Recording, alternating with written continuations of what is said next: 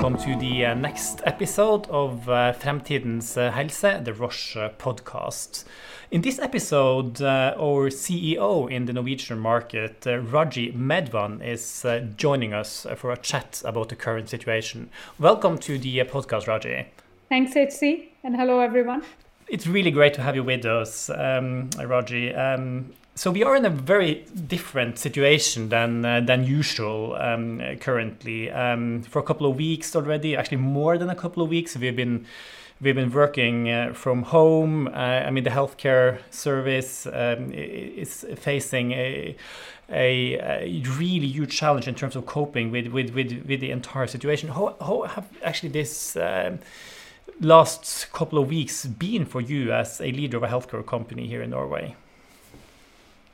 I have to say it's been really hard um, as a leader of a healthcare company. And, and why do I say that? So I thrive on seeing people, I thrive on connection. I love to see people's faces because that tells me they have confidence that they're engaged, things are going well in the company. And then I can also tell when something's off and I can help those people. So that's been a little bit challenging uh, trying to gauge that virtually. Uh, but I think we're adapting pretty well, and I've adapted. So I have a lot of one on ones now with my direct reports. Uh, we do the virtual coffees every morning at Roche. Uh, and then we're also doing things like the Friday apéros and town halls. So all those things are definitely helping, but it's been hard and challenging. How has it been then to see the entire community and the world around you in this kind of yeah lockdown modes? I mean, everything is different than only three, four weeks back? I think on that aspect, I'll say inspiring actually. Um, so times are tough, as you said, is really challenging. People are sick all over uh, in other parts of the world. Thankfully, in Norway, we have been uh, reasonably protected. Uh, but other parts of the world, a lot of people are dying. Um, a lot of companies are under a lot of pressure. Um, uh, people are losing jobs. But having said all of that, what I find really inspiring is how different people are stepping up and doing their part. And whether it is healthcare companies, logistics companies, technology companies, the public actors, how everyone is stepping up and not talking about egos uh, or other things and just really coming together to help the system and help our people. And that's been incredibly inspiring, actually. So it could be also, I mean, what you're saying, though, that this crisis that we're facing, that it's actually also perhaps, even if we need to keep distance, that to some extent is also bringing us together. Yes, in, in new and different ways. Um, so you asked me earlier about uh, how am I finding being a leader. So uh, I think what's been really cool is how we have uh, had a crash course in digital and virtual ways of working. Um, so that's been really uh, inspiring and bringing people close. Yes, um, I'm humbled by how many colleagues have reached out, how many personal friends have reached out to find out how I'm doing, how's my family, um, and so so that aspect definitely has brought us closer. And then um, I think in a crisis, the world unites. So when you hear the news, whether we are on digital forums like LinkedIn or Facebook. Um, so much cohesion. So, uh, agree with you. Definitely, the world feels um, standing together as one, fighting this thing together. And you mentioned also that it's perhaps also basically giving us a crash course in terms of of, uh, of being a bit more digital. I mean, that's very true for me as well. I mean, normally I tend to travel quite a bit in, in, in my daily life and um, especially for work. Um, and that's actually also the case for you. And you were supposed uh, just a few weeks back to go to a, a, a big meeting with all your uh, general manager colleagues, um, which obviously, uh, well, at least the physical version of it was cancelled. And you kind of had it in a virtual manner. Can you just like share a few experiences how it was actually to to work um, uh, with several colleagues across borders? Um, uh, across affiliates uh, in this kind of virtual way with jam boards and breakout sessions. How was that? No, absolutely. So uh, the meeting you're referring to, this was the area north or European general managers getting together. And all in all, our group is about 15 to 16 people strong. So going in, there were a, a little bit of uh, apprehension on how it would work. It was a two day meeting, and how would we keep our energy? Uh, will we feel the connection? But I have to say, it worked really well. Um, we uh, employed G Hangouts as a technology, uh, as a base. Uh, and then, like you're saying, we incorporated Jamboard and we did different work working sessions using Jamboard. Um, it worked really, really well. I think what was important for us uh, in those two days was to make sure that we had long breaks. So that was one of our learnings to to make sure that you have a long enough break in the morning, at lunch, and in the afternoon. Um, but that said, uh, it worked really well. Um, and many of us laughed. Maybe this has taught us that we don't need physical face to face long meetings that typically we have. You can get so much done virtually. So, what do you think will happen with the travel budgets then going forward? no, but look, this is good, right? So, as you know, yeah. um, we had already agreed that in the spirit of doing our bit for sustainability, uh, we were going to try and travel less and less. But I think this has really shown people that you can actually accomplish a lot of work uh, cross borders without feeling the need to travel. Um, and still maintain some really good connection with your colleagues through the right virtual technologies and get work done. Very much indeed, Raji. So, um, for us at Roche, it's it's key to to engage in the in the healthcare debate and also to work in in, in partnership with uh, with external stakeholders, including authorities. Obviously, given uh, that the uh, healthcare uh, service here in Norway, to a main extent, is is public. So, what do you think? I mean, just in general, um, um, about the way the Norwegian society has has dealt with the situation that we're facing so far. So, a couple of things. I, I think how the uh, government and the public actors have responded to this has been, uh, from my personal view, has been really well done. So, they took action quite early. Now, you can argue all of us in Europe and in the US were perhaps a little bit late once we heard about the the the Chinese uh, outbreak, and perhaps all of us could have taken action sooner. But that said, I think the Norwegian uh, government took action really early um, locking down our society as they've never done. Uh, my understanding is since World War II, measures like this have not taken place. But it was communicated in a way which was people could understand the reasons.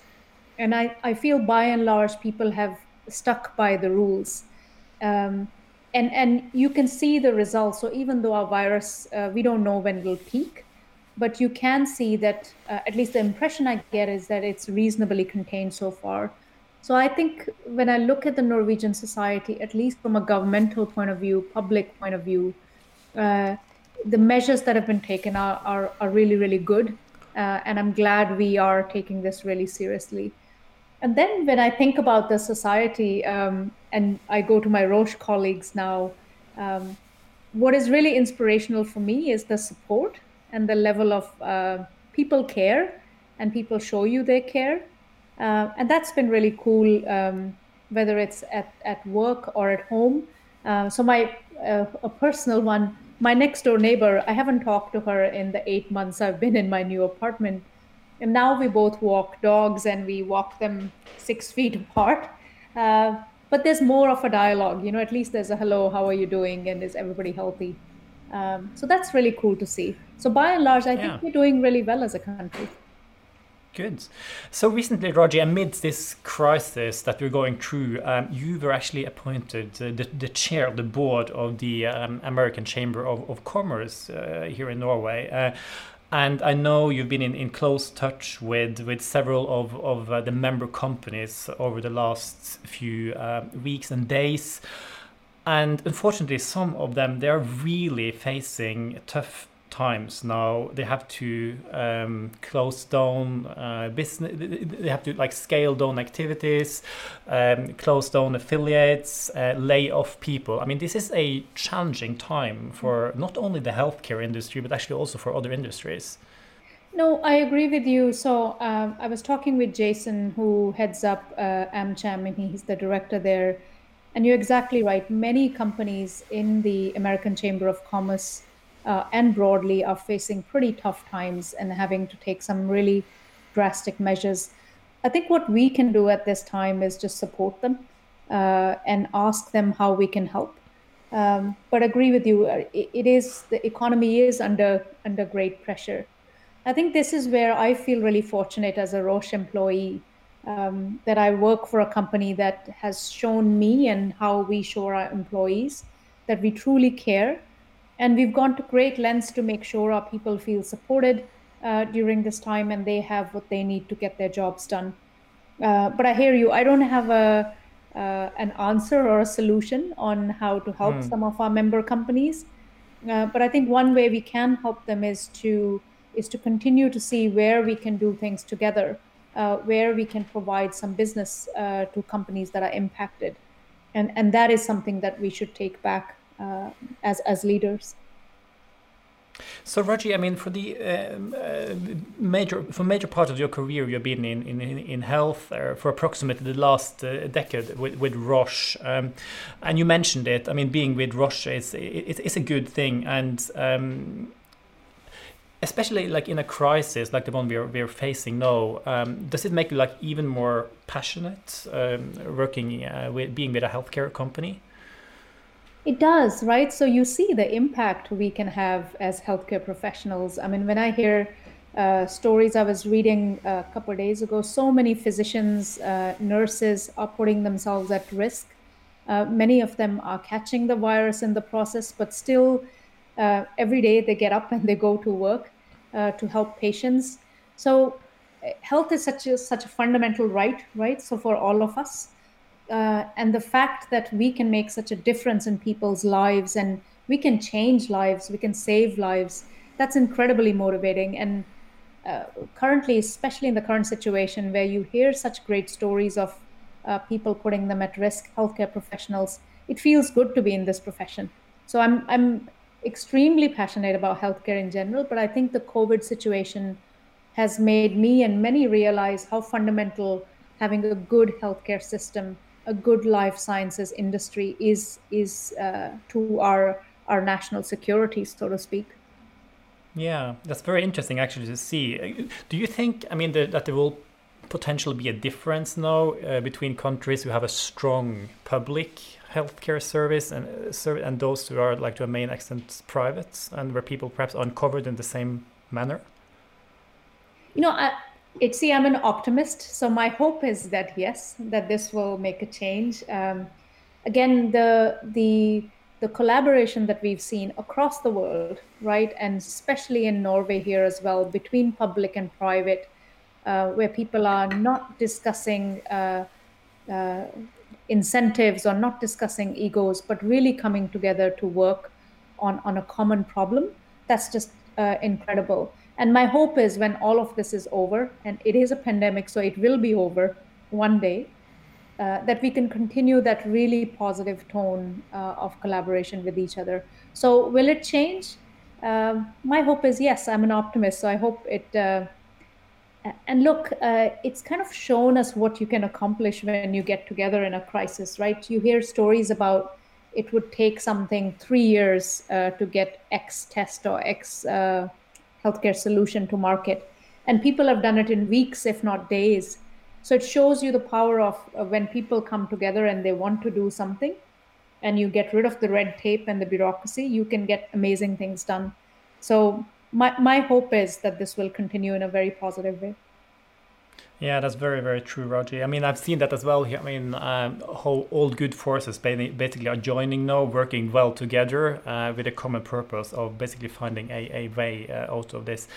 Uh, anyway, I mean, this spring, I guess, for you, as for most of the people, um, has turned out to be quite uh, different um, than uh, than you had uh, planned, I guess. Um, yeah, uh, have, have you had like also in your personal life to change many of, of, of your plans and your uh, like things that were coming up this spring? Yes. Um, so like many folks, I had vacation plans, so that's now changed. But look, on the positive side. Um, uh, what I what I did do last night was go ahead and order plants and daffodils and flowers that are going to be coming soon to my patio and my balcony. Um, and then I'll be polishing up my spring wardrobe and get rid of these dark colors and wear some cooler, paler colors. Um, so no, looking forward to the spring. And seriously, look, my hope is this this virus gets contained quickly. Um, right now, it's looking like April. Um, most countries are going to continue to stay uh, where we are, working from home, and and the measures will continue. But my hope is around May June timeframe, this can start to get uh, lift and life can come back to normal.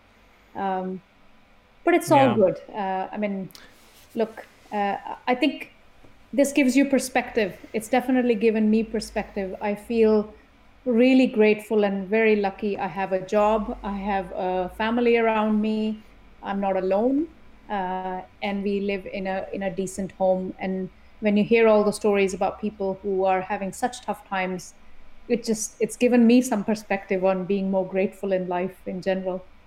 Raji, thank you very much indeed for sharing these uh, experiences. Uh, really nice uh, talking to you. And to all of those uh, listening to this uh, episode of our podcast, thank you very much. Have a lovely day.